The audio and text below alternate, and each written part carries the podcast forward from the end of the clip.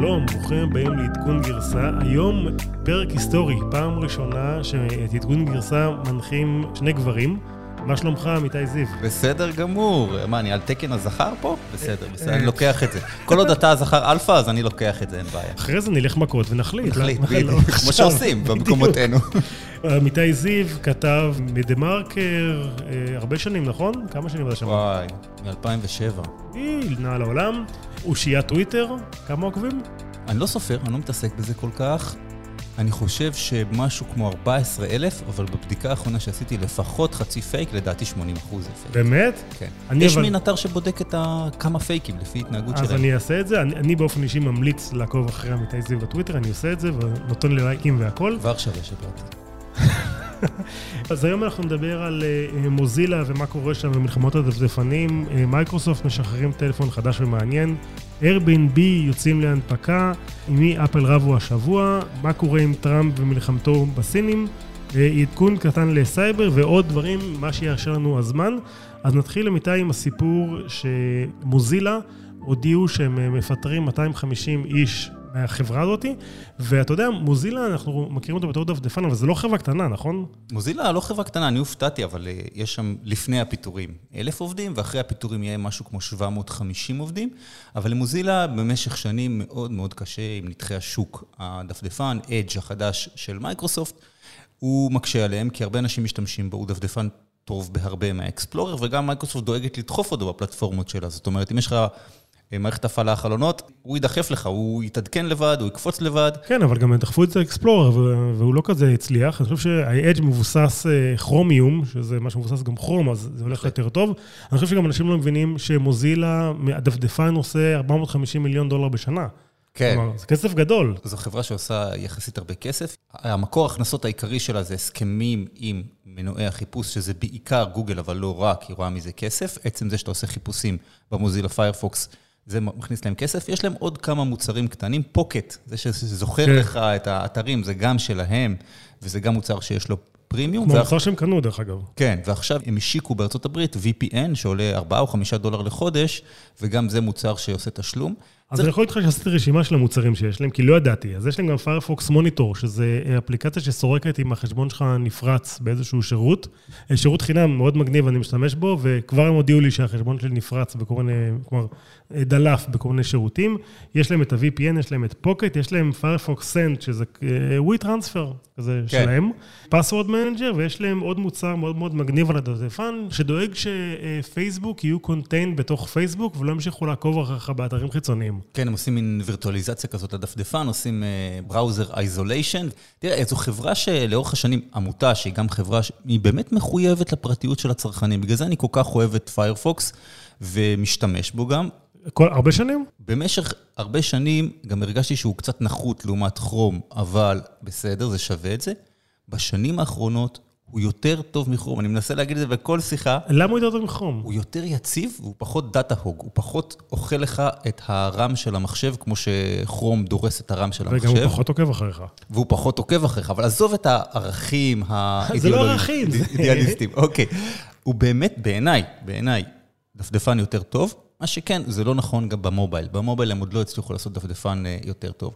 צריך להבין את הפיטורים האלה גם בהקשר שיש מנכ"לית חדשה לחברה, היא נכנסה באפריל, מנכ"לים חדשים זה מה שהם עושים, הם בוחנים מה לסגור, מה לפתוח, את- פתחה את ה-VPN, פיטרה עובדים, צריכה להראות תוצאות, זה, זה חלק מהרקע. אני לא חושב שהחברה הזאת בהפסדים, למרות שאנחנו לא מכירים את המספרים. אז אני חושב שמי שמאזין לנו, אה, שהוא אה, קצת, אתה יודע, מעל גיל 30, אולי זוכר את מלחמות הדפדפנים הקודמות, שבאיזשהו שלב פיירפוקס הגיעו לכמעט 50 אחוז, והיו איום משמעותי על מייקרוסופט, ואז פתאום הגיעו אה, כרום, גוגל וטרפו את הקלפים, ואני חושב שהיה אז דיבור מאוד מאוד גדול על, open source, של open source הולך לאכול את העולם, וכולם עברו להשתמש ב open source, ופיירפוקס open source, והטענה שלי אומרת שזה קרה בשוק ה enterprise בצורה מדהימה, כלומר, היום ב enterprise open source זה הסטנדרט, וב consumer זה לא ממש קרה, כלומר, פיירפוקס זה היה הבטחה גדולה, אה, ובשאר המקומות זה לא קרה, אני יודע שלך יש דעה קצת שונה, נכון? כן, השאלה אם מחשיבים את אנדרואיד כ open source או לא. אם כן, אז הוא הסיפור הכי טוב, הכי מצליח של open source אי יפה. שהעלית, אז העלית את זה. לפי דעתי פיירפוקס זה ה scam open source הכי גדול בעולם, זה לא open source. אנדרואיד זה אחלה מוצר, זה מוצר של גוגל, הם מפתחים אותו. אם אתה רוצה היום לקחת אנדרואיד ולעשות לו קוסטומיזציה ולשים אותו למכשיר שלך, אם אתה לא שם אה, סט של כלים של גוגל בתוך האנדרואיד, אתה לא תקבל עדכונים של אנדרואיד ואתה גם לא תקבל את ה App Store ולא תקבל apps. אז בעצם המוצר הוא די נכה אם אתה לא בעצם מתחתן עם גוגל בסיפור הזה, ואז היחידי שיכולים לעשות את זה, זה אולי אה, אמזון, שיעשו לזה fork והוציאו מוצר, נכון. אבל חברות אחרות לא יכולות ולא עושות ולא נוגעות, אנדרואיד זה גוגל. אנחנו צריכים לזכור שזה גם שוק מונופוליסטי. אם זה משנה למישהו, אז כרום זה הם הרבה מעל 50 אחוז, זה כבר 70 אחוז כן. מהשוק. אדג' ופיירפוקס אי שם נלחמים באזור ה-8 אחוז. ספארי, משהו כמו 4 אחוז, וכל היתר זה כל היתר, זנב ארוך שכולל את אקספלורר ועוד אה, דפדפני נישה. אז אתה משתמש באחד מהם. אני משתמש בברייב, שזה דפדפן שמבוסס על כרום, רק שהוא מאוד מאוד בעד הפרטיות שלך. אני פעם בחצי שנה אומר, די, אני עובר לפיירפוקס, אני חוזר, ואז חסר לי איזה תוסף אחד שיש רק בכרום, ואז אני חוזר לברייב, ואני באופן אישי כן ממליץ על ברייב, אני חושב שהוא כן שומר על הפרטיות שלך, או פיירפוקס, אנחנו שנינו מאוד ממליצים להשתמש בהם אה, במקום כרום, נכון? כן, כן, למה לא? למה לא? לא, כי שוב, אתה צריך להבין שכרום המוצר הוא חינם, אבל אתה זה המוצר. כן, זה גם חתונה עם גוגל. לגמרי חתונה עם גוגל, והחתונה הכי אה, קרובה. הכי אדוקה, הכי קתולית. כן. אם אנחנו כבר מדברים על אה, חתונות ואנדרואיד, אז מייקרוסופט משיקה מוצר אנדרואידי, נכון? כן. מין טלפון, Surface, תסביר לנו, אתה הגעת ממייקרוסופט, תסביר לי את הדבר הזה. אז מייקרוסופט הוציאו מוצר שדובר עליו המון זמן במייקרוסופט, שנקרא Surface Duo. האמת היא שהדיבורים על זה התחילו כבר לפני המון המון שנים, שעוד קראו לה קונספט Courier, וזה היה אה, כזה מוצר ממש, אה, טאבלט, אה, שני מסכים, שדלף לאינטרנט אה, הקונספט, וזה היה התרגשות גדולה. אם אתה מסתכל 15 שנה אחורה, 90% מחשבים בעולם הריצו מערכת הפעלה של מייקרוסופט. אם אתה מסתכל על העולם היום, פחות מ-10% מהמחשבים מריצים מערכת הפעלה של מייקרוסופט בגלל הטלפונים. ברור. אז מייקרוסופט הבינו שהזיזו להם את הגבינה, וצריכים להשתנות, ומנכ"ל אה, כבר לא חדש, סאטיה, עושה המון המון המון דברים אה, מעניינים. הסרפס דו הוא uh, טלפון שהוא uh, 5.6. שני 5... מסכים של 5.6, ואם פותחים כן. זה 8.1, זה נהיה מין טאבלט של 8.1 אינץ', נכון? כן, 8.1 אינץ' ברזולוציה של 2700 על 1800. זה הופך להיות טאבלט אנדרואיד מאוד מאוד uh, יפה, למרות שאני לא יודע כך מי משתמש בטאבלטים אנדרואיד. זהו, אני... אני שואל מה ה-use case, כי בתור טלפון הוא גדול ושמן כי צריך לקפל אותו, הוא נהיה מין רחב כזה, ובתור טאבלט... לא כל כך חיוני לחיים שלי, אז ללכת עם זה בכיס. אז התפיסה המייקרוסופטית אומרת אה, שבוא ננסה, בוא נעשה ניסוי. אני חושב שגם כשיצא Surface Pro, המחשב של מייקרוסופט, שהוא היה כזה חצי טאבלט, חצי מחשב, אנשים צחקו עליהם, ומייקרוסופט היו committed אה, למוצר, והוציאו עוד ועוד ועוד גרסאות. אני יכול להגיד לך שה business של Surface לפני... שנתיים וחצי הגיע ל-5 מיליארד דולר אה, בשנה, שזה הופך להיות כבר business משמעותי למייקרוסופט. זה, זה לא איזה משהו, זה לא תחביב, זה כבר business אמיתי. ואתה נכנס היום להרבה מאוד corporates אה, אמריקאים, משתמשים ב Surface בתור המחשב, אז מייקרוסופט בקטעים האלה, הם חוצבים. בעקשנות עד שזה תופס. כשעוד הייתי עובד במייקרוסופט, הייתי בשיחה עם סאטיה, ושאלו אותו, אה, לא בקשר של שוק ה PC, שאלו אותו על אה, שוק מלחמות הענן. מול אמזון, והוא אמר, תקשיבו, כשאני הגעתי למייקרוסופט, היה לנו מתחרה שנקרא Novell NetWare. ונלחמנו בהם והיה בסדר, ואז עברתי אה, להילחם בחברה שנקראתה אה, Netscape, ונלחמנו וזה, והיה בסדר, ועכשיו יש אה, AWS ואנחנו נילחם, וכנראה שהשוק מספיק גדול ויהיה בסדר לכולם, ואותו דבר אני חושב שבשוק הטלפונים, כי כשמייקרוסופט מחליטים בדרך כלל שהם עושים משהו, אז הם עושים, והם עושים את זה לאט, אבל ברגע שהקטר והקרונות יוצאים מהתחנה, אז הרבה פעמים זה מצליח. שוב, יש גם דוגמה שלא, כן? Bing. לא, אתה לא משתמש בהם ב Bing. גם אה, מייקרוסופט אה, לטלפונים, המערכת הפעלה הסלולרית שלהם אה, נכון. לא הצליחה, Windows OS, איך שלא קראו לזה. כן, Windows 7 משהו OS, או Windows 8 OS. אני חושב שאם הם מבינים את ה ecosystem שהם נמצאים בו, אנדרואיד שולטת בו, והם מציגים איזשהו device חדש, ששוב, הוא לא זול, הוא 1,400 דולר. וואו. אני באופן אישי לא אקנה אותו, אני אשאר עם אייפון דרך אגב.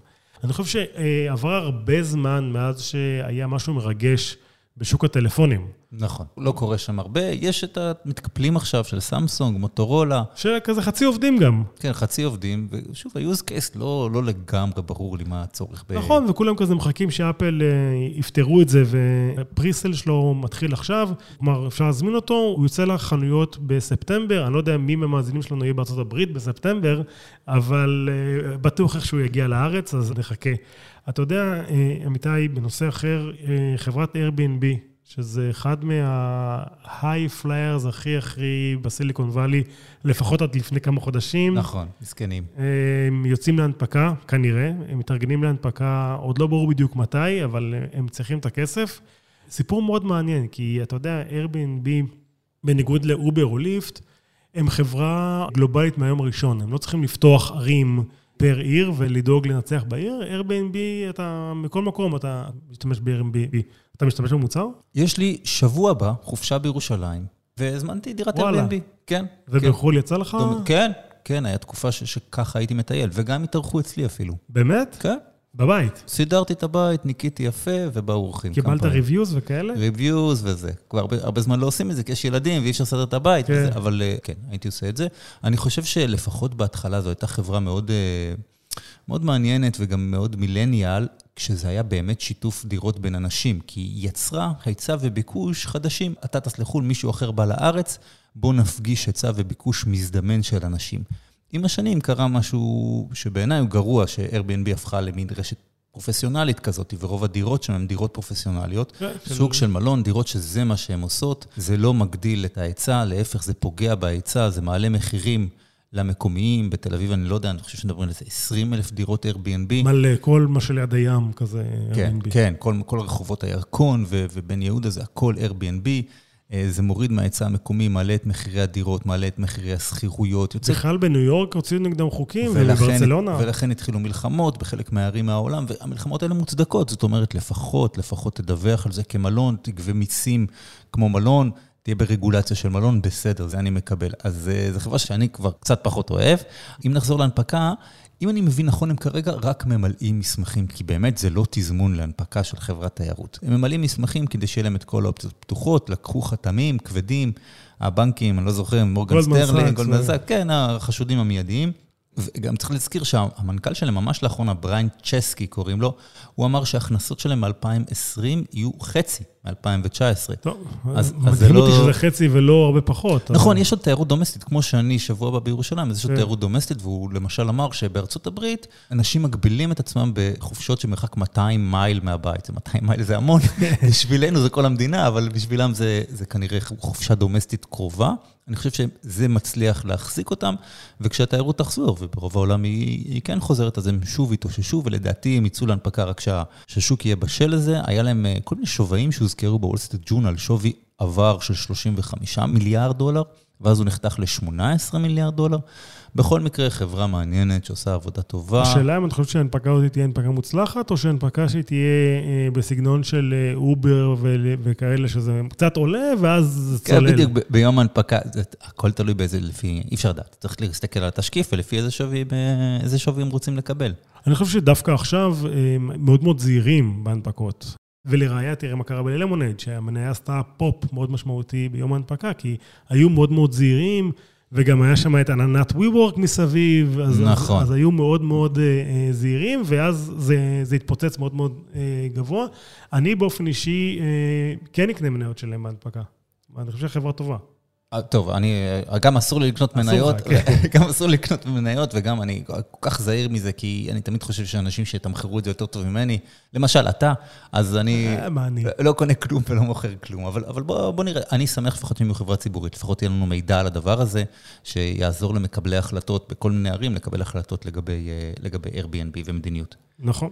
אה, בוא נדבר שנייה על אפל. שוב החברה הזאת מסתכסכת. כל הזמן היא מסתכסכת, כל פרק שני אנחנו מדברים פה על איזשהו סכסוך. פעם זה היה על ה-30 אחוז מס, מס אפל שהם גובים, ועכשיו יש לנו מלחמות אחרות. אז כן, הסיפור הוא מאוד מאוד מעניין ומאוד מאוד מורכב. התחילו בדור הבא של הקונסולות והדור הבא של המשחקים, בעצם אה, חברות אה, משחקים, שזה סוני, גוגל ומייקרוסופט אומרות, למה שתקנה קונסולה הביתה, אה, שעולה, לא יודע מה, 400 דולר, נעשה לך stream, יש לנו את החומרה הכי חזקה אצלנו בענן, נעשה לך stream של המשחק, כלומר, אתה משחק על המשחק, על השרתים שלנו, אנחנו עושים לך stream של הוידאו למכשיר שלך, אם זה לטלוויזיה או לטלפון, ובעצם אתה משחק במשחק מרחוק, ובדור חמישי ובאינטרנט מהיר, אה, שאין כל כך בארץ, אבל בעולם, זה עובד, וזה עובד מהר, ואתה לא צריך באמת את החומרה אצלך במכשיר. ואומרים, אין בעיה, אתה בעצם תוריד אפליקציה לטלפון שלך או לטלוויזיה, ותריץ את כל המשחקים בעולם, אנחנו יכולים למכור אחר כך משחקים.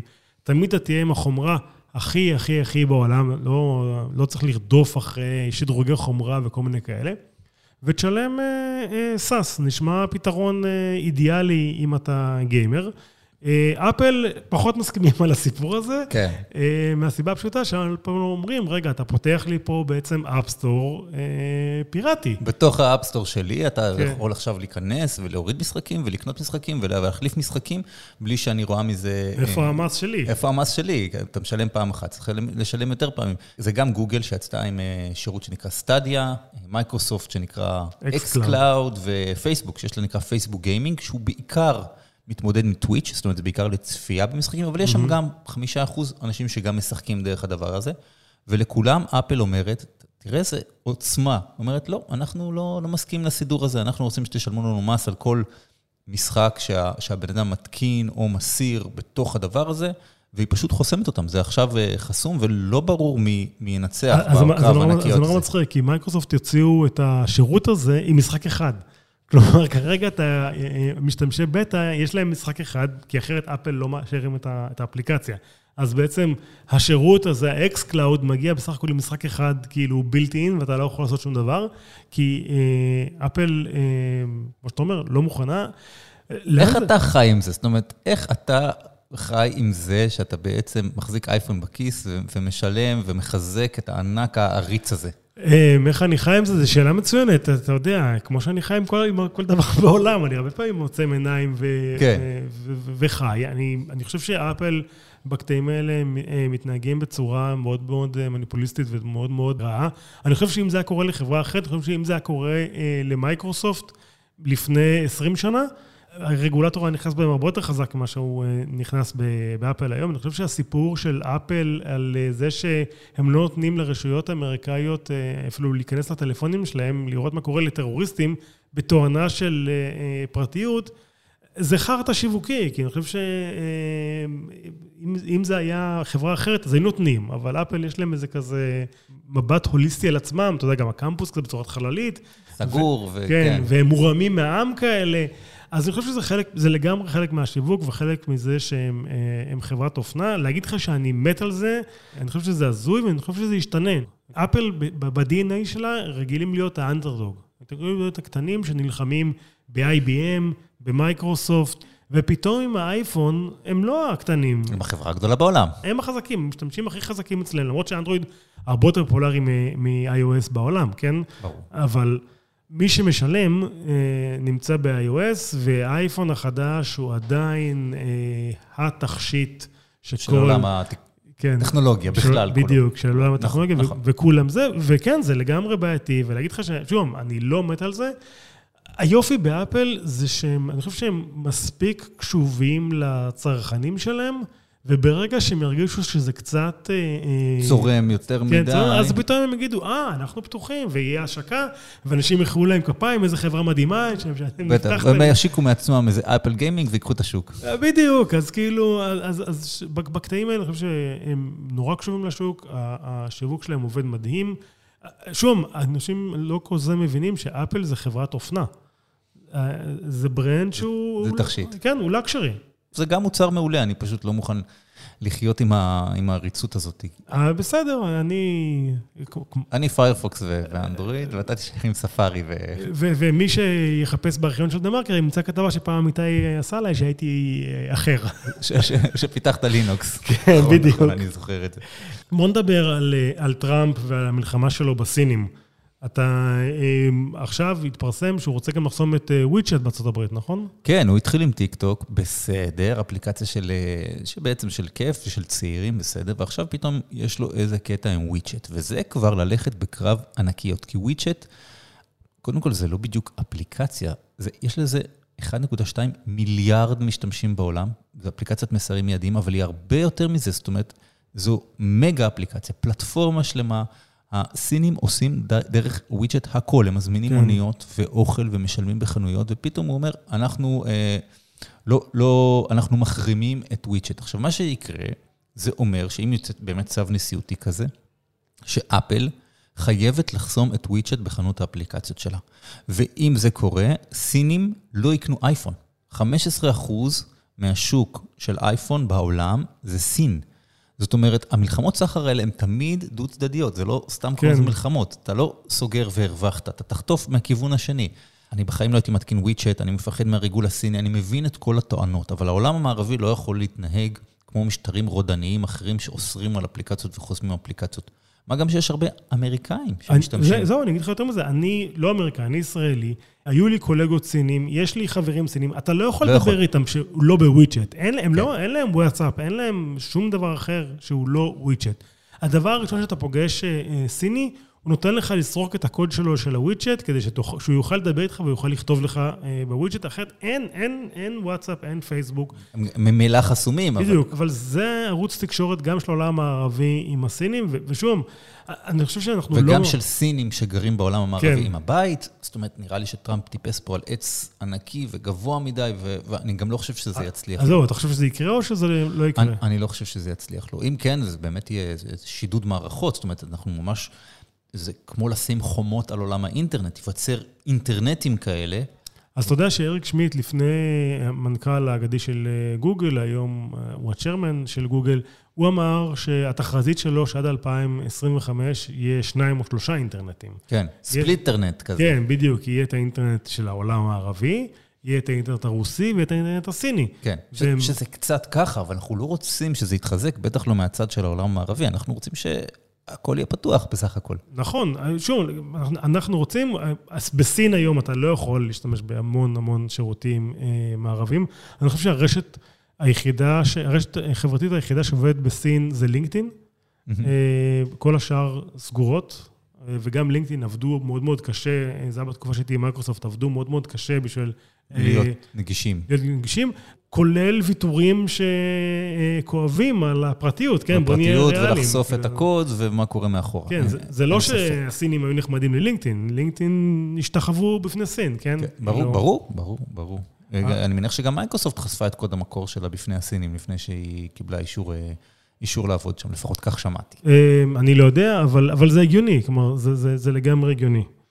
אוקיי, אה, יש לנו אירוע סייבר מהותי בישראל, אם כבר אנחנו מה קרה, מדברים. מה, מה קרה בסייבר? זה מין הודעה עמומה כזאת שיצאה אתמול מהמלמ"ב, מהמועצה לביטחון לאומי, שהיה איזושהי מתקפת סייבר על ישראל, על בכירים במערכת הביטחון. אה, מישהו, ותכף נגיד מי המישהו הזה, יצר דמויות פיקטיביות בלינקדאין, והציע הצעות עבודה לכל מיני עובדים של תעשיות ביטחוניות ישראליות. הוא פנה אליהם בלינקדאין כן. בהודעה ו... ובהמשך השיחה ניסה גם לשלוח קבצים שהם נוזקות, קבצים כן. שהשתלטו על המחשב כדי לגנוב מידע. לפי ההודעה של המלמ"ב, המתקפה הזאת מיוחסת, היא נעצרה, נבלמה, ולא הצליחה, לפחות לפי ההודעה, ומי שאחראי לזה זה קבוצת לזרוס. קבוצת לזרוס זה בעצם להגיד השלטון הצפון קוריאני, Mm-hmm. לצפון קוריאה יש זרוע סייבר מאוד משמעותית. אגב, הם לא, כל האנשים האלה הם צפון קוריאנים שנשלחים לסין כדי ללמוד סייבר וכדי כן. לבצע סייבר.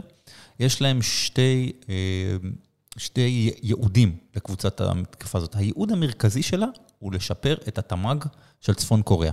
זאת אומרת, הם קודם כל קבוצה שגונבת כסף. חלק ממתקפות הסייבר הכי מפורסמות על בנקים בעולם, זה קבוצת לזרוס עשתה, כולל המתקפה המפורסמת על המערכת הסוויפט. וואלה. הם הצליחו לשגע את מערכת הסוויפט של בנגלדש, לשלוח פקודה שגויה ולגנוב ככה 81 מיליון דולר, אבל היו עוד כל מיני מתקפות קטנות שמצאו בנקים בעולם וגנבו פה כמה מיליונים ופה כמה מיליונים. טוב, אבל זה, לא גונבים כסף ממערכת הביטחון הישראלית. לא, ו- אבל הייעוד השני של הקבוצה הזאת זה שהיא פחות עושה את זה ממש ריגול, ובמקרה הזה כנראה היו שם מטרות, אה, ממש מטרות ריגול, ולפי ההודעה זה נבלם. אני עוד לא ראיתי, יש דוח שלי, שיצא דוח סייבר מסכם של הדבר הזה, אני עוד לא קיבלתי אותו, אבל אה, יהיה מאוד מאוד מעניין לקרוא באיזה טקטיקות הם השתמשו מבחינת הפישינג, ואיך הם פנו לאנשים, ואיזה נוזקה הם ניסו לשתול, נורא מעניין. שוב, אני חושב שצריך להבין שיש כאן המון אלמנט של social engineering, כלומר, אני מתחיל איתך שיחה בלינקדאין, ואז אני אומר לך, תקשיב, יש לי אה, משרה, סתם אני אומר, במייקרוסופט, שמשלמת מיליון דולר בשנה. בוא נשלח את ה one pager שלנו, כן, תקרא אותו. נשלח את התיאור משרה, תראה אם זה מתאים לך, אתה פותח את התיאור משרה, ובתוך התיאור משרה יש נוזקה. כן. אמ, שזה, שוב, זו התקפה, הסגנון התקפה אחד הישנים אה, בספר, והוא עובד בצורה מדהימה. אני יכול להגיד לך, בכל חברת הייטק אה, תשים אה, USB קטן בשירותים, תכתוב עליו משכורות עובדים 2020. מישהו יכניס את זה לאיזה מחשב. כן, איזה עובד ייקח, ידחוף את זה למחשב, ושלום על ישראל. התקפות סופר פשוטות מבחינת טכנולוגיה. זה social engineering לגמרי. אני רוצה להמליץ לך על פרק מדהים של הפודקאסט Reply All, שנקרא What kind of an idiot get fished, שהם עושים שם עבודה מדהימה. התשובה היא כולם. כן, בדיוק. התשובה היא באמת, באמת, באמת כולם. כלומר, גם הם שהם סופר טק סבי, שניהם נפלו להתקפת פישינג, ששכרו איזה ex-CIA שיעשה עליהם. כולם נופלים, ושמעו, החוקים הם, הם, הם יחסית פשוטים, אנחנו נופלים בהם לא לפתוח לינקים, לא לפתוח קבצים ששולחים לנו. אני יכול להגיד לך שאני, שהיה לי סטארט-אפ, פעם קיבלתי בדואר ארט דיסק מסין. חשבת מה עושים עם הדבר הזה עכשיו. בדיוק, חשבתי מה עושים עם הדבר הזה, ובאיזשהו שלב הסקרנות הרגה את החתול, וחיברתי איזה מחשב שלא היה מחובר לשום רשת או שום דבר. אמרתי, אני חייב לראות מה הם שמו על הארט דיסק הזה, חיברתי אותו למחשב ההוא. והאנטיווירוס צפצף? לא, לא קרה כלום. המחשב לא זיהה את הארדיסק הזה אפילו. אה, אוקיי.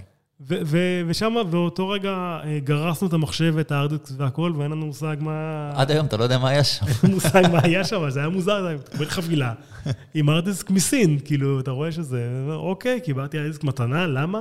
מה ההיגיון? מזל שאני קצת, יש לי חשיבת סייבר, אז אמרתי, אף אחד לא שולח לי מתנות ארדיסק. כן, אין מתנות חינם. כן, בדיוק. בטח לא מסין. בדיוק, נכון. אמיתי, היית מאמין שגמרנו את הפרק הזה? לא, לא הייתי מאמין. וואי, גם בזמן, אה? תראה מה זה. טוב. אז אני רוצה להגיד תודה רבה לחברות המערכת תור צוק ומיכל וקרת וולקין. מתגעגעים אליכם, תחזרו. תחזרו מהר. הקטע הזה עם שני גברים זה לא עובד. לא עובד, לא עובד לגמרי. החבר'ה מגל"צ, דורון רובינשטיין, ליהי גנדי לוי, וכל שאר החבר'ה שעושים במלאכה, עמיתי זיו, לא לשכוח לעקוב אחריו בטוויטר, את עמיתי זיו, נכון? עמיתי זד, כן. עמיתי זד? כן. אוקיי, אז את עמיתי זד. יאללה, תודה. תודה רבה. ביי.